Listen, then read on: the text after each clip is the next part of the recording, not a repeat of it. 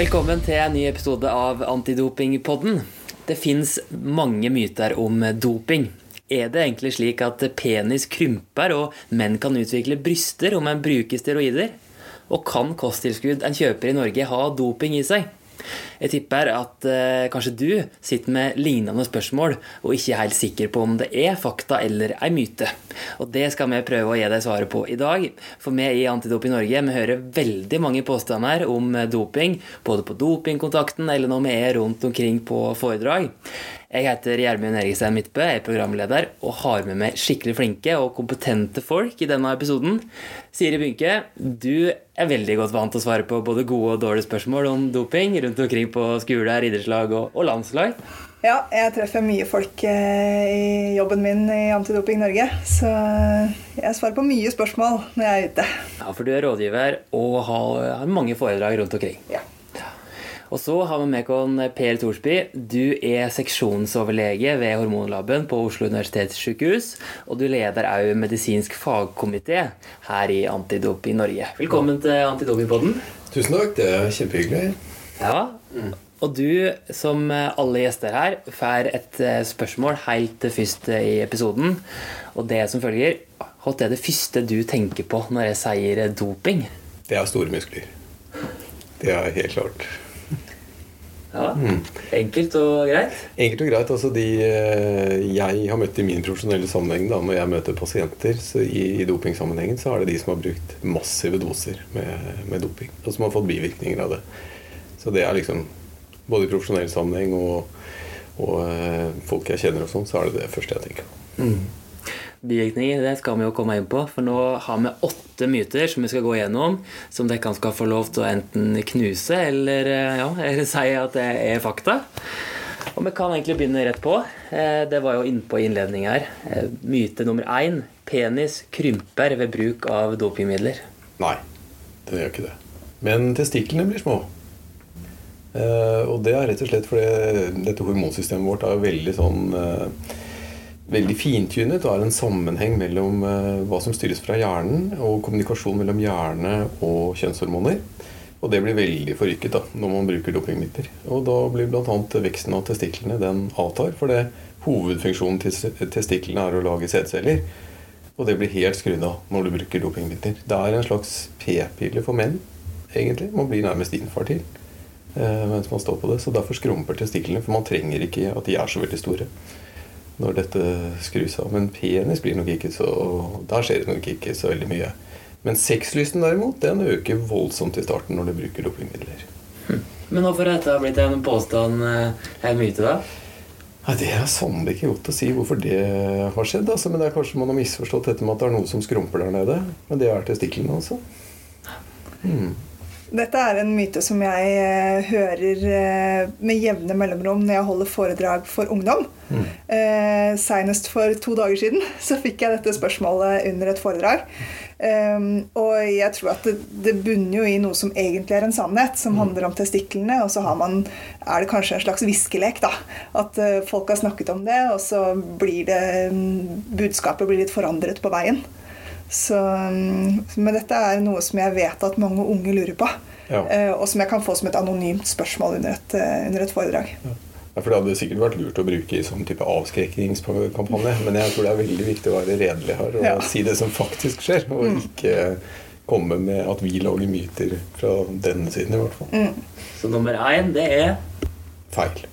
myte. Myte. Myte nummer to. Menn utvikler bryster. Ja, det gjør de når de bruker dopingmidler. Og det er rett og slett fordi at eh, testosteron, som man stort sett bruker, da, eller lignende stoffer som ligner på testosteron, det videredannes i kroppen til østrogen. Eh, og vi har alle sammen, både kvinner og menn, eh, masse fettvev rundt brystene våre som er følsomme for østrogen. Og da vil det begynne å vokse når man bruker testosteron. Fordi det omdannes videre til østrogen, som påvirker de fettcellene som er rundt eh, brystene våre. Så alle menn som bruker testo, vil få brystutvikling. Det er nesten helt obligatorisk. Og det ser vi også hos gutter i puberteten. eh, hvor den store testosterontoppen kommer i puberteten. At eh, 20-30% får brystutvikling. Og det er helt normalt. Og så går det tilbake igjen. Så, eh, men i og med at de, det er så store doser hos de som doper seg for å få økte muskler, da, så blir liksom dette stående. Så det må stort sett behandles kirurgisk, det der. Faktisk. Dette er noe du hører mye, kanskje, Siri? Mm, dette er også en sånn eh, type myte som ikke er en myte, men som eh, mange tar opp, og som veldig mange også reagerer på når jeg trekker fram det som en bivirkning ved bruk av steroider. Og jeg tror kanskje at det er en det oppfattes som en myte fordi at det er en bivirkning som eh, oppleves som ganske ekstrem. Da, eller langt unna det du egentlig så for deg at skulle skje. Og dermed så tenker man kanskje at eh, det skjer ikke. Det er bare en sånn vandrehistorie man har eh, Mm. fortalt. Men eh, Men det er ren fysiologi. Altså det er rett og slett det som skjer i kroppen. Så det, og det kan være sideforskjeller. At det bare det ene brystet utvikler seg. For det er mer celler der som er mottakelige for østrogen enn i det andre. Så det varierer fra person til person. Så der har jeg sett mye rart, vil jeg si. Eh, Men det kan fint korrigeres eh, kirurgisk. Men, det, men da bør man liksom slutte, for disse cellene kommer tilbake og fortsetter å vokse hvis man fortsetter å danne østrogen. For en person som har lyst til å bli sterkere, og det er grunnen til at han tar steroider, så må jo dette være en ganske kjip eh, bivirkning. da. Jeg tenker at hvis, eh, hvis formålet er å gå på stranda og sjekke damer, så kan det godt være at du eh, siler ut mulighetene noe, da, hvis du har pupper samtidig. Ja, og jeg har hatt noen pasienter som ikke har dopet seg, som også har fått brystutvikling. For det skjer selvfølgelig, det fins normale varianter her òg. Og det er nettopp det de forteller, da, at de tør ikke å ta av seg T-skjorta på stranda. Så det har de kanskje hatt så, sånn i mange år, eh, før vi da sier at eh, men dette må vi gjøre noe med kirurgisk, og så har man egentlig løst problemet. Så det går an å løse. Men det kommer tilbake da, fordi du blir ikke kvitt alle cellene, selv om du fjerner noen av de med kirurgi. Da kan vi gå til myte nummer tre. Og vi kan jo nevne at det her, det er mytene vi tar fram i dag, de åtte mytene, er jo myter som, eh, som jeg har funnet ut gjennom undersøkelse, er vanlige myter som går igjen på treningssenter. Altså det, her, det er ikke noe vi har funnet opp, det her er noe som er veldig vanlig. Myte nummer tre, altså. En kan unngå bivirkninger hvis en har kontroll. Altså at du, det fins en pille du kan ta for alt. Det er jo det mest fascinerende synes jeg, med å ha møtt en del eh, i dette kroppsbyggemiljøet, er hvor mye de kan. Altså, det er jo vanvittig kunnskapsnivå hos enkelte på hva som fins av eh, medikamenter, både illegale og legale, og hva du kan bruke for å både forebygge bivirkninger og, eh, og kanskje gjøre noe med bivirkninger. Så det, det fins rett og slett noen eh, som har veldig veldig mye kunnskap, og dessverre er mye av kunnskapen litt sånn semiriktig. Så det kan bli mye misforståelser her. Og Fra den medisinske siden så er vi veldig bekymret for den der blandingen, den der polyfarmasien som vi kaller det. da, Når du tar masse piller samtidig. Eh, Det ene for å bygge kropp, det andre for å forebygge bivirkninger. At du får en krasj, og at det blir, kan bli ganske alvorlige bivirkninger av det. Uh, og den, Når det gjelder bryster, hvis vi går litt tilbake til det, så er det veldig vanlig at det brukes østrogenhemmere. Altså tabletter som hemmer østrogen, og som brukes i kreftbehandling hos kvinner. Det brukes i disse miljøene for å hemme brystutviklingen. Og de har til dels noen ganske stygge bivirkninger. Eh, Så det er ikke helt heldig denne voldsomme bruken av masse forskjellige medikamenter. Både for å gjøre det du har lyst til, nemlig bygge kropp, og prøve å unngå bivirkningene fra det. Så det blir en svær suppe altså, av medisiner eh, som folk bruker. Da. Men litt kan Altså, vi fra skolemedisinen, da, for å si det sånn, så, så vil vi aldri bruke medikamenter for å forebygge bivirkninger av dette. Det vil vi aldri gjøre. Vi vil aldri foreskrive medisiner fra en lege for å forebygge bivirkninger ved bruk av anabole steroider. Så dette her er en myte. Det fin altså, I miljøene er det godt kjent at man kan gjøre masse forskjellig. Eh, men, men fra den skolemedisinens side så vil man aldri gå inn på den type behandling. Du kan få nye problem hvis du Det er helt sikkert. Så er, det vel, så er det vel kanskje sånn også at eh, alle legemidler har noen bivirkninger. Absolutt. There is no such thing as a free lunch. Så her blir det trøbbel også, eh, med en suppe av medisiner, for å si det sånn. Ja. Det er en grei oppsummering på den. Det var myte nummer tre. Vi går over til myte nummer fire. Det er bare menn som eh, bruker dopingmidler. Det er myte eller fakta? Det er feil. Eh, Det er også kvinner som gjør det. Eh, det er vel ca. Ja, en tiendedel av mennene omtrent, tenker jeg. Sånn, mm. Vi vet jo ikke dette helt eksakt. Eh, man har gjort spørreundersøkelser og sånn, men sånn cirka tenker vi det. At det er noe sånt. En eh, tiendedel. Og det med å ha muskler, også hos kvinner, er jo blitt veldig viktig. Så det er nok det som driver det fram. Og kvinner får jo helt andre bivirkninger enn menn. Men også mye av de samme bivirkningene. Så det, det blir litt forskjellig. Så det er ikke bare menn. Men det er flest menn, eller? Eh, når det gjelder dopingsaker i idretten, så er det klar overvekt eh, hos menn. Eh, og så kan man jo lure på om det er fordi menn er mer tilbøyelig for å bruke, eller at man tester flere menn. Mm. Det er litt sånn høna og Vanskelig å vite. Men man sier jo ofte at menn også kan være mer risikosøkende enn hva kvinner kan være. Og så kan det jo handle om hva man ønsker av et resultat, med tanke på kroppsideal eller, eller en form for um, fordel i idretten. Eh, men vi ser jo når det gjelder kvinner, at for en del år tilbake så handlet det om at kvinner skulle være tynne. Eh, man skal ha liksom modellkroppen. Mm. Men i dag så er det 'strongest in new skinny', og man skal ha markerte muskler. Og det åpner jo for noen flere kvinnelige brukere. Så da konstaterer vi at det er rett og slett en myte at det er bare menn som bruker dopingmidler. Myte nummer fem kosttilskudd kjøpt i Norge er trygt å bruke. Det er nok en vanlig misoppfatning. Um, vi liker å tenke at alt vi kjøper i Norge er trygt, og alt vi kjøper i Norge er veldig godt kontrollert. Uh, og det bunner nok i at vi har et veldig strengt regelverk i Norge. Og det er vi veldig heldige som har. Det er ikke lov å selge kosttilskudd som inneholder dopingmidler eller legemidler i Norge, men vi vet at det forekommer. Og det eh, skyldes at eh, kosttilskudd eh, sjekkes av Mattilsynet, men de gjør sporadiske undersøkelser. Så det er ikke sånn at det som står i butikkhylla eller i nettbutikken i Norge, har blitt testet av Mattilsynet før du får kjøpt det. Eh, og dermed så kan man risikere at et eh, kosttilskudd potensielt kan inneholde et dopingmiddel eller et legemiddel uten at det egentlig er lov å selge.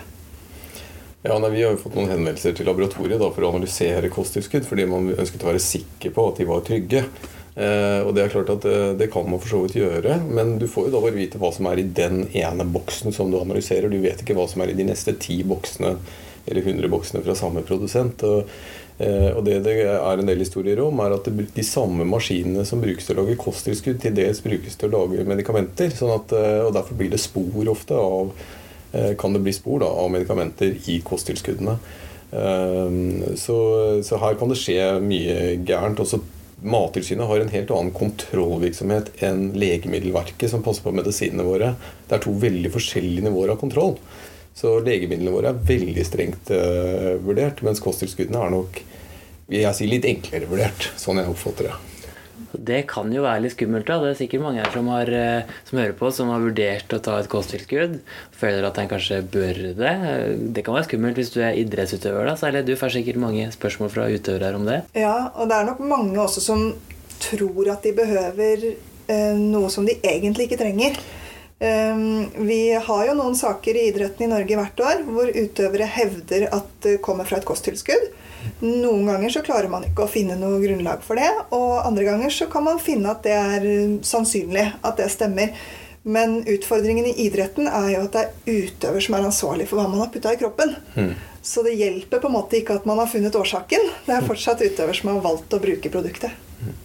Ja, der er det er litt sånn jeg kan ikke så veldig mye om kosttilskudd, men jeg, det, idrettsutøverne våre er jo superfriske i, i mine øyne. da. Eh, så at de trenger så mye kosttilskudd, det, er, det, skjønner ikke jeg helt, rett og slett. Men eh, der er jeg kanskje veldig naiv. Det er i hvert fall lurt å gjøre en god vurdering på om man egentlig trenger det. Eh, før man begynner å, å vurdere å bruke. Og i en del sammenhenger så bør man kontakte fagpersonell før man skal vurdere det. Mm det er veldig unødvendig å ta et jerntilskudd hvis ikke du har jernmangel. Det, er, eh, det høres ikke noe fornuftig ut, nei. Det, da får du bare vondt i magen, tror jeg. Mye av det kan du få i deg med et vanlig godt eh, kosthold? Mm. Det, de aller fleste klarer seg fint på et vanlig variert kosthold. Så da kan man konstatere det, ja, at eh, kosttilskudd som er kjøpt i Norge, det trenger ikke å være trygt å bruke. Nei, det er en myte. Myte nummer seks. Dopingbruk er mest utbrent blant toppidretten. Ja, i eh, idretten i Norge så har vi klart flest saker i breddeidrett. Men når jeg spør breddeidretten hvem de tror bruker doping, så svarer de toppidretten. og det er ikke nødvendigvis rart, for det er jo det du hører om i media. Og noen ganger så er det jo ikke nødvendigvis idretten som er motivasjonen bak bruken heller. Det kan handle om kropp, det kan handle om rusmiddelbruk. eh, Det kan handle om eh, kosttilskudd, som du egentlig har brukt med en god intensjon. Du har lyst til å få prestere godt på trening og, og gjøre en, en god jobb. Og så havner du i en dopingsak. Eh, Så, mm, men jeg tror jo at jeg møter ganske mange i breddeidretten som tenker at dette med doping og antidoping det er ikke så relevant for dem. For det gjelder ikke dem. Og, og de fokuserer nok veldig på det som handler om bevisst bruk av doping. Noen som bruker det for å få en fordel i idretten sin. Og så glemmer de det som kan handle om ubevisste brudd på reglene. Eh, Og at du får i deg noe uten at du tenker over det, eller at du ikke vet hva regelverket sier. Eller du drar på fest og bruker et rusmiddel eh, på fritida. Men eh, den største bruken er vel eh, egentlig utenfor idretten. Eh, det er vel i flere sånne spørreundersøkelser som er gjort blant ungdom i Norge opp til 20 år. De, det er vel sånn 0,5-2% som har vært borti dopingpreparater. Så det er jo det store grosset. Og så er vi så heldige at uh, i Norge så er det veldig mange som driver med idrett. Da. Så at noen av de sneier innom breddeidrett er vel stor sannsynlighet for, tenker jeg. Så da blir det vel litt på den uh, måten her sånn. Så, eh, men det er klart vi hører om toppidrettssakene, og vi hører om de veldig utspekulerte dopingsakene fra toppidretten. og jeg må jo si jeg har blitt overrasket over en del hvor velorganisert dopingen har vært i en del eh, toppidrett. Eh, Jeg tenker på dette vi lærte om bloddoping for ikke lenge siden i et østerriksk landslag, var det vel. Også i sykkel har det jo vært et stort problem kjempelenge.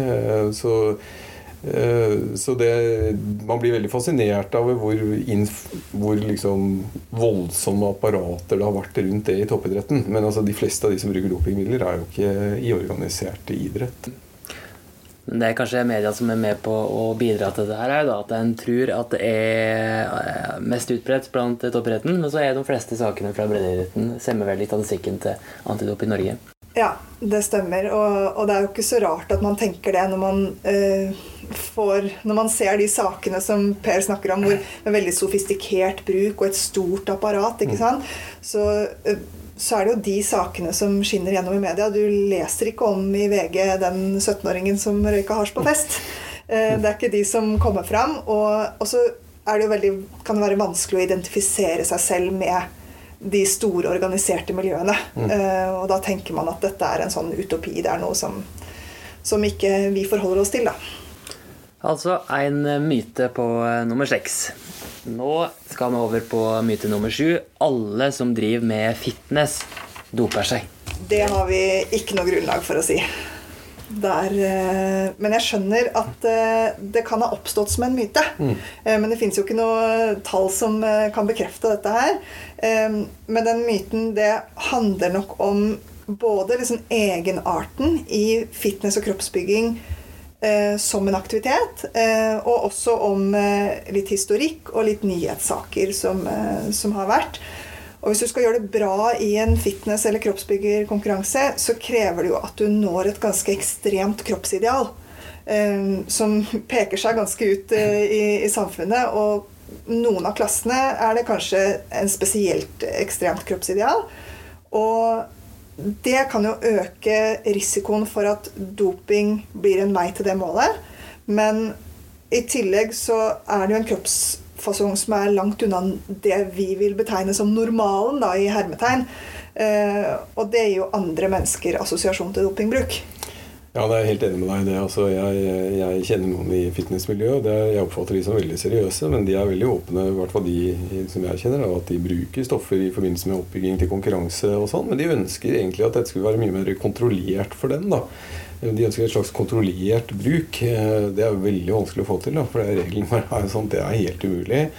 Eh, og så er jeg veldig altså jeg, jeg liker ikke å fordømme noen miljøer. altså At man er veldig interessert i i fitness og de tingene der. sånn, At noen har en sånn interesse, det synes jeg bare er Det må de selvfølgelig gjerne få lov til. Det er jo mange av oss som har sære og rare interesser. Det, og de lager konkurranser og sånn, for dette det må jo være helt uh, greit. Men, men, skal de inn i organisert idrett, da, som de kanskje noen, noen, i gruppene der har et mål om, så må de jo selvfølgelig rydde veldig opp i dette med, med dopingbruken. Det, der har de en stor jobb å gjøre, tror jeg. da.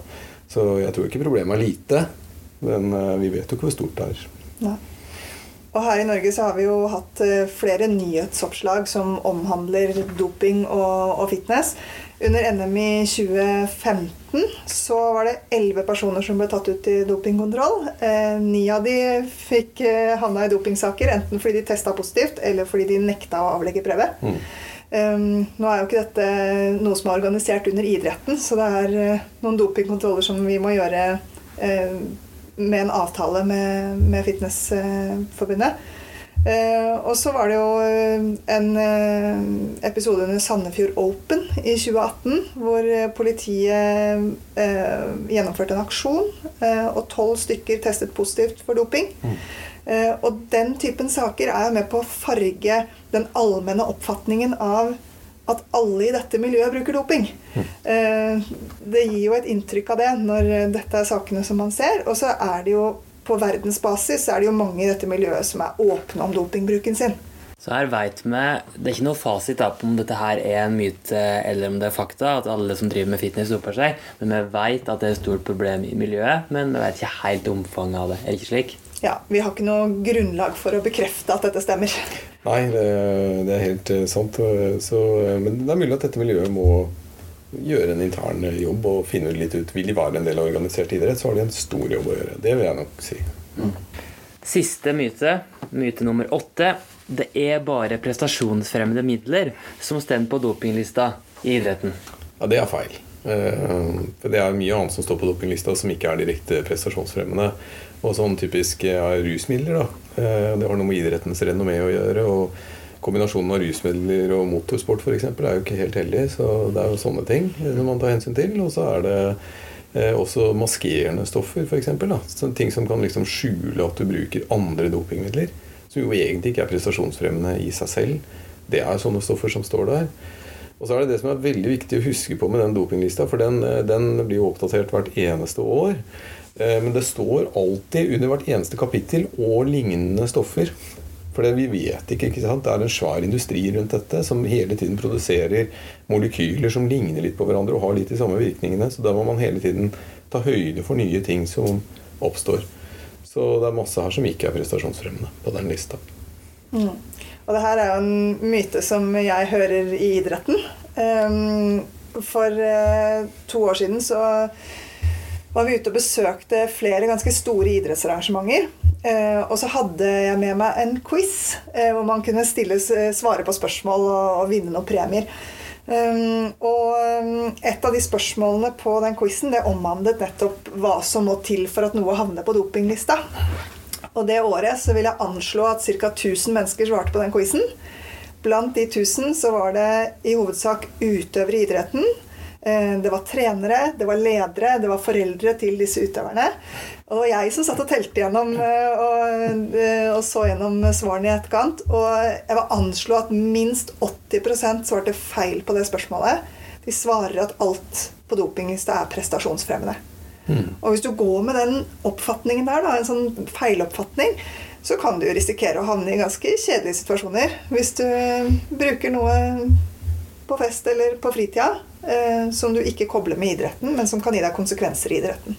Ja, for En del av stoffene sitter jo forferdelig lenge i kroppen, og, og, og testene har jo blitt eh, veldig, veldig gode på disse, disse stoffene. Så, så man, kan, man, kan, finne ut av ting du liksom tok for ni måneder siden. Og så tenker jeg at um, den myten skyldes nok litt det vi har snakket om tidligere, at de store sakene vi hører om i media, med liksom Tour de France-syklister og OL-deltakere som eh, mister medaljene sine, de, uh, det handler jo om utøvere som prøver å få en fordel. Det handler om noen som ønsker en prestasjonsfremming. Mm. Uh, men de rusmiddelsakene, de, de dukker ikke opp i media. Nei, og det Det er naturlig, syns jeg. Ja. Kanskje ikke de, de hører ikke hjemme i media. Nei. Eh, Det synes jeg Man skal beskytte utøverne litt eh, oppi dette også. Eh, Mm. Men jeg bare minne om det, da, at det, det finnes jo mulighet for å søke om fritak for å bruke midler som står på dopinglista. Og det behandler jo vi her i Antidoping Norge uh, hele tiden.